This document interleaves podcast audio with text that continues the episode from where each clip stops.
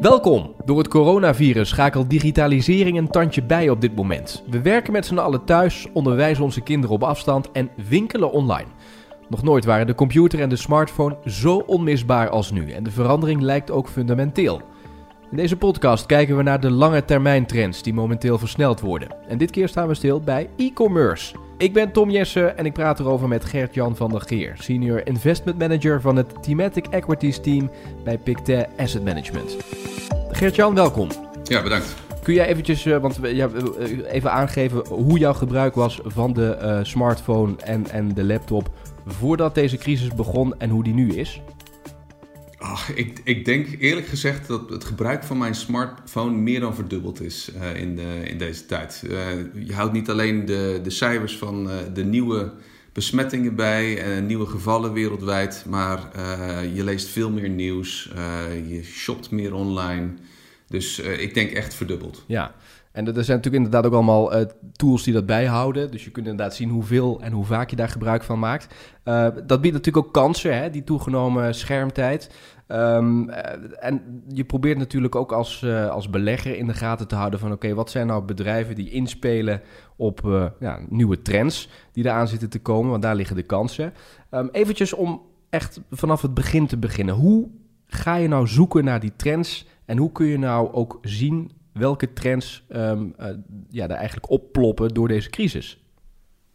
Ja, bij, bij zijn we thematische beleggers. Dus we kijken naar trends, maar we kijken vooral naar hele lange termijn trends. Dus die over tientallen jaren heen hun impact hebben uh, op de maatschappij, op de economie. Maar ook hoe we met elkaar omgaan. En die lange termijn en die brede impact, dat is precies het verschil tussen een megatrend en een normale trend. Een trend is veel gevoeliger voor verandering.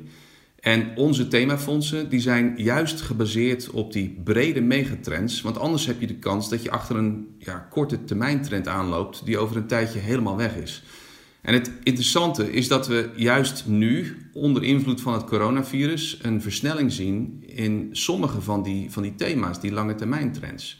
Uh, denk bijvoorbeeld aan technologische vooruitgang, digitalisering.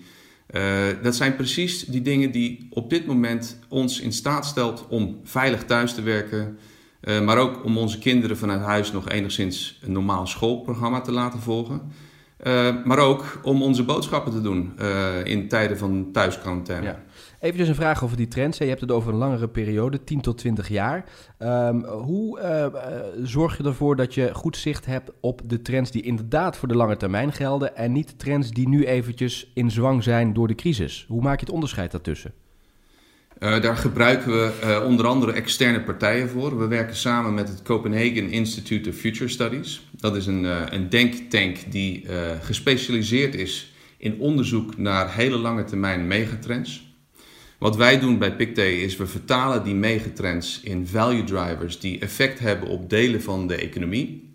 En daarom bouwen, bouwen we onze thematische fondsen. En alles met het oog op het identificeren van lange termijn kansen, zodat we die korte termijn trends die mogelijk over een tijdje weer weg zijn, juist niet in de portefeuille hebben. Want dat zijn de meest riskante uh, beleggingen. E-commerce is het onderwerp van uh, deze podcast. Daar gaan we verder op uh, inzoomen. Nou, ik denk dat iedereen wel de ervaring heeft dat als hij deze dagen spulletjes zoekt, dat je heel vaak de melding krijgt van is niet beschikbaar. Dus dat e-commerce verhaal, dat was er al, maar dat gaat nu in een versneld tempo.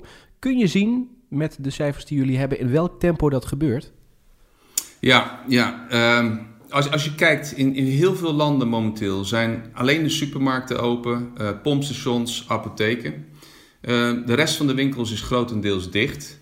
Ja, online retail heeft daar geen last van. Uh, dus die markt van online retail, wat voor dit jaar geschat wordt op een totale omvang van 4,2 biljoen dollar, dus dat is 4200 miljard dollar en vorig jaar was dit volgens Credit Suisse nog 3,5 biljoen. Dus dat is een flinke stijging van 20 procent.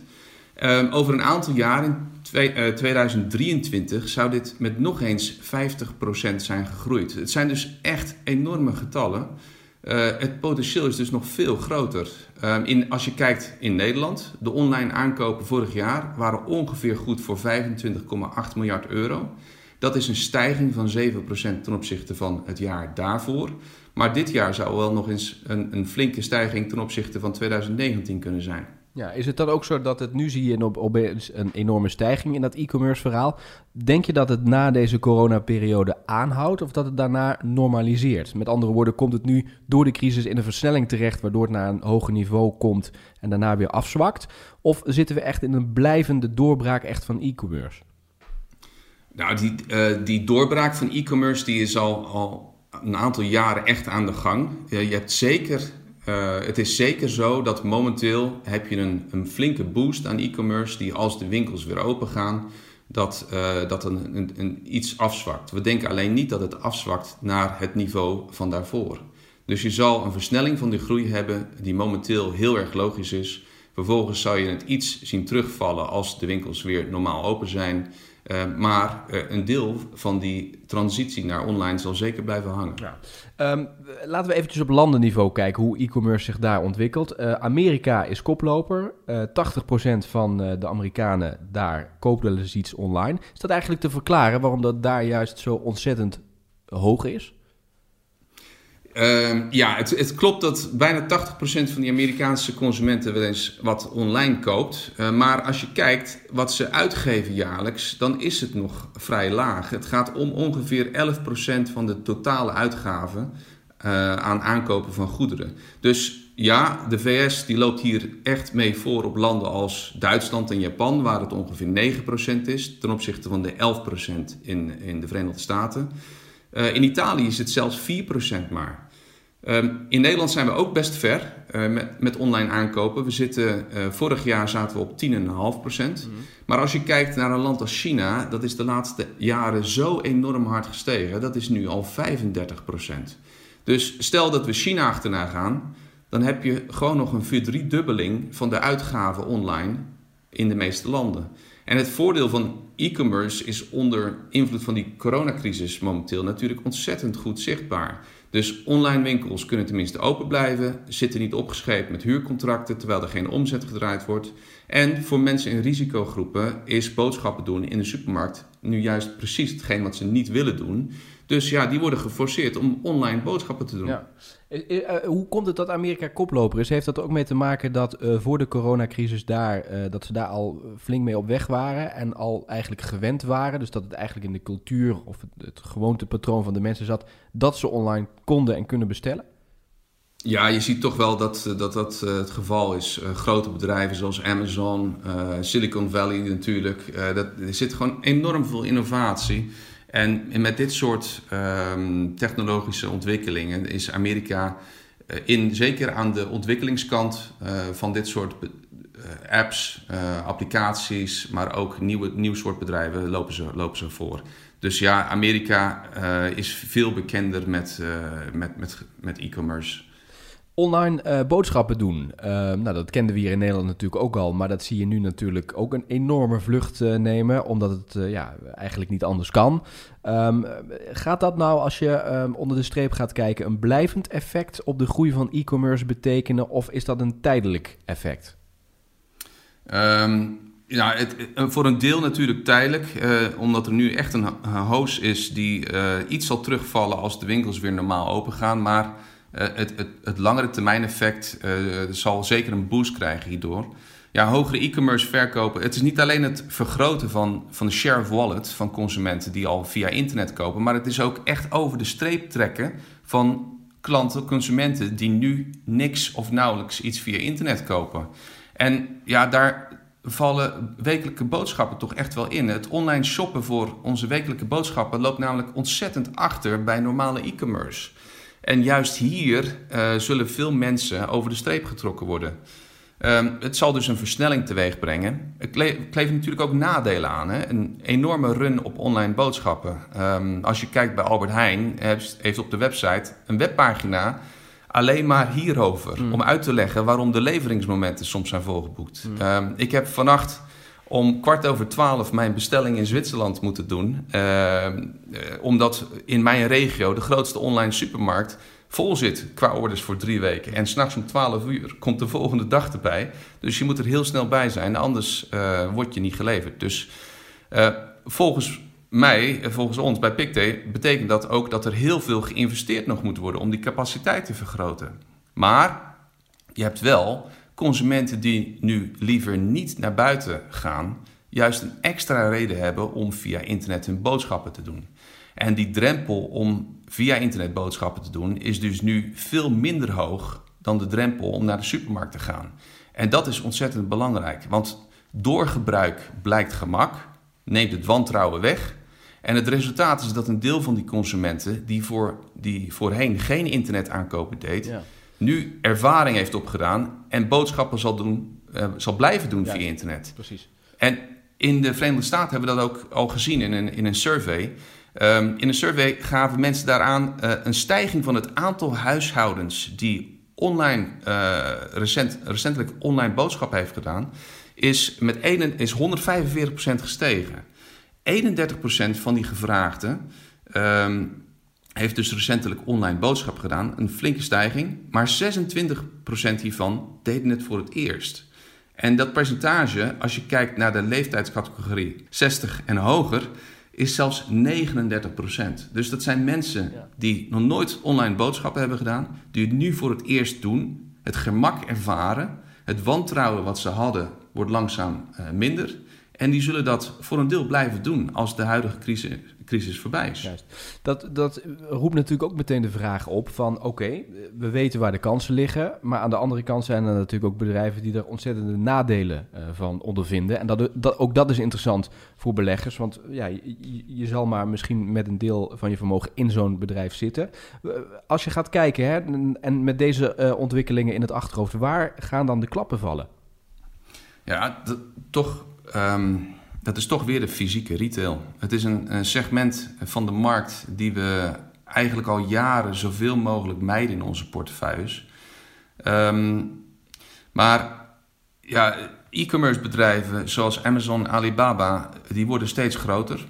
Uh, als je kijkt naar Amazon, die heeft sinds de start van de coronacrisis al 100.000 man extra personeel aangenomen uh, om aan de, aan de vraag te kunnen voldoen.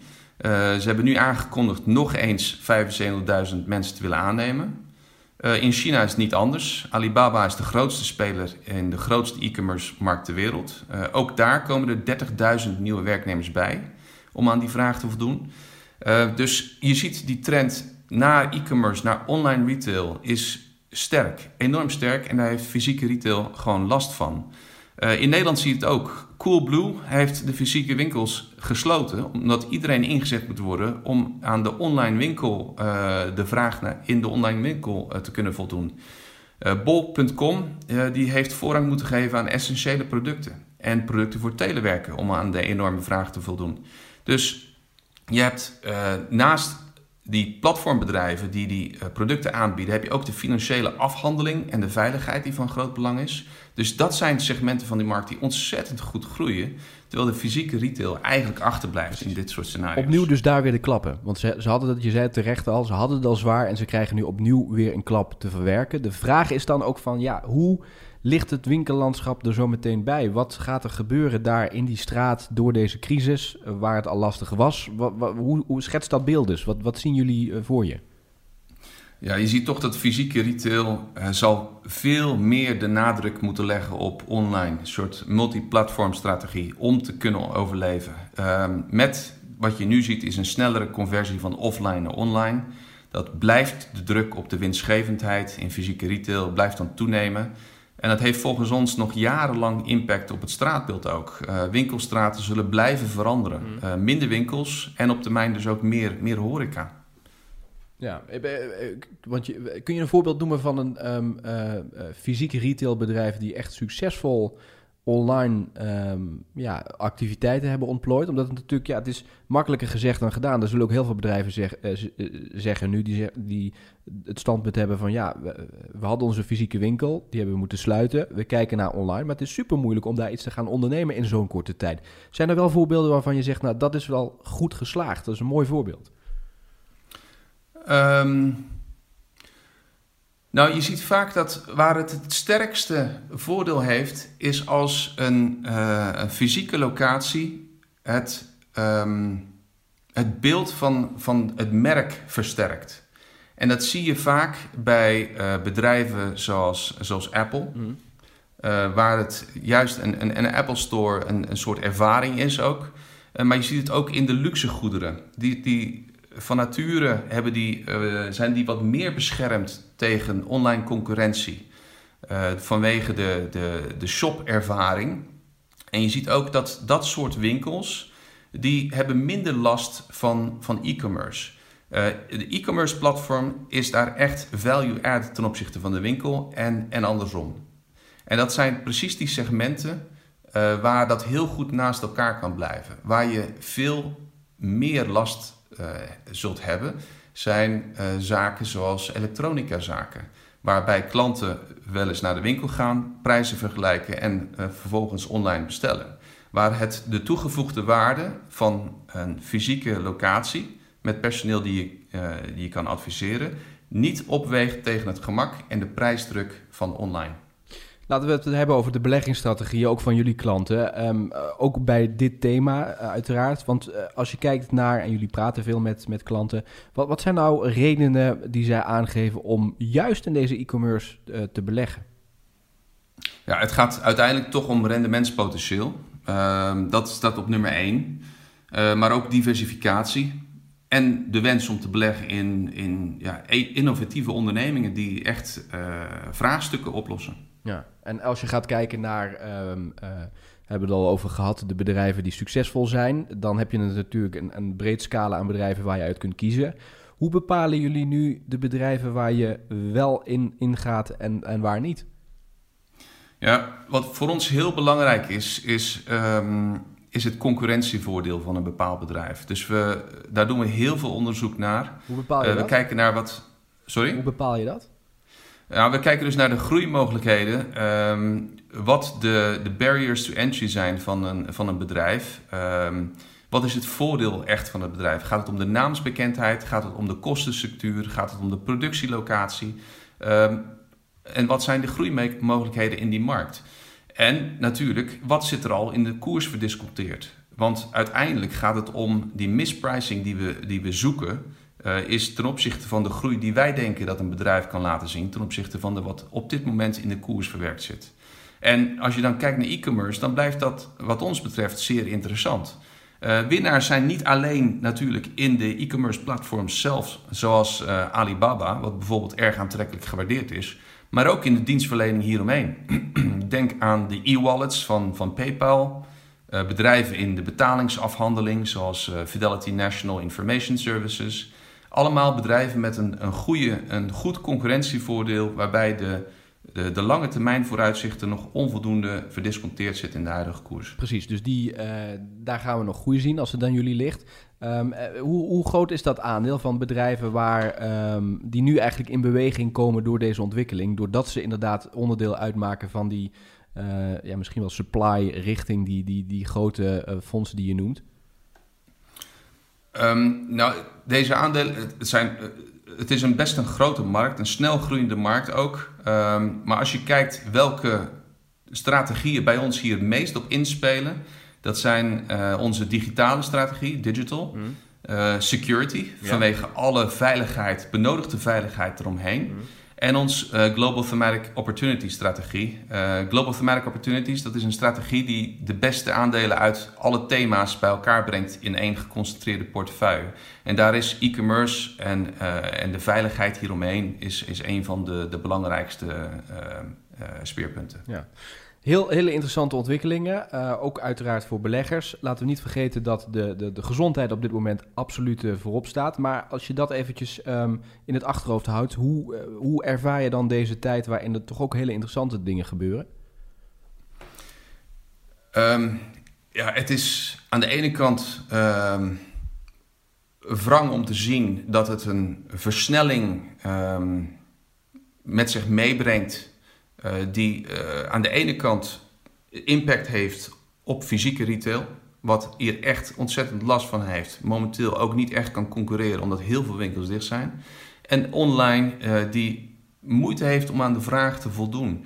Dus we zien eigenlijk een, een versnelling in een uitzonderlijke situatie die toch al aan de gang was. het, het zorgt voor heel veel problemen bij supply chains. Uh, het zorgt voor problemen bij het, uh, het, aannemen van voldoende gekwalificeerd personeel. Uh, maar het is wel een, een, ontwikkeling die al jaren aan de gang was en die nu eigenlijk een soort reddende engel is. Op dit moment is de enige manier om, om niet blootgesteld te worden aan, aan het risico van het virus, is online je boodschappen doen. En we zien dat dat nu een hoop mensen over de streep trekt, wat op lange termijn een, versnelling uh, zal, zal geven van, uh, van die trend. Ja, een reddende engel, dat zijn mooie slotwoorden. Uh, ik dank je wel voor dit gesprek, Gert-Jan. Graag gedaan. U luisterde naar een podcast van Pictet Asset Management over thematisch beleggen. Ik sprak met Gert-Jan van der Geer, Senior Investment Manager van het Thematic Equities Team bij Pictet Asset Management. En als u meer wilt weten over thematisch beleggen of specifiek over beleggen in het thema digitalisering, dan bezoekt u de website Pictet Asset Management Nederland. Dat kan via www.am.pictet.nl. Deze podcast is gepubliceerd door Pictet Asset Management. De informatie en gegevens die in deze podcast worden gepresenteerd, mogen niet worden beschouwd als een aanbod of een verzoek om effecten of financiële instrumenten te kopen, te verkopen of erop in te schrijven. Ga voor meer informatie naar onze website am.picte.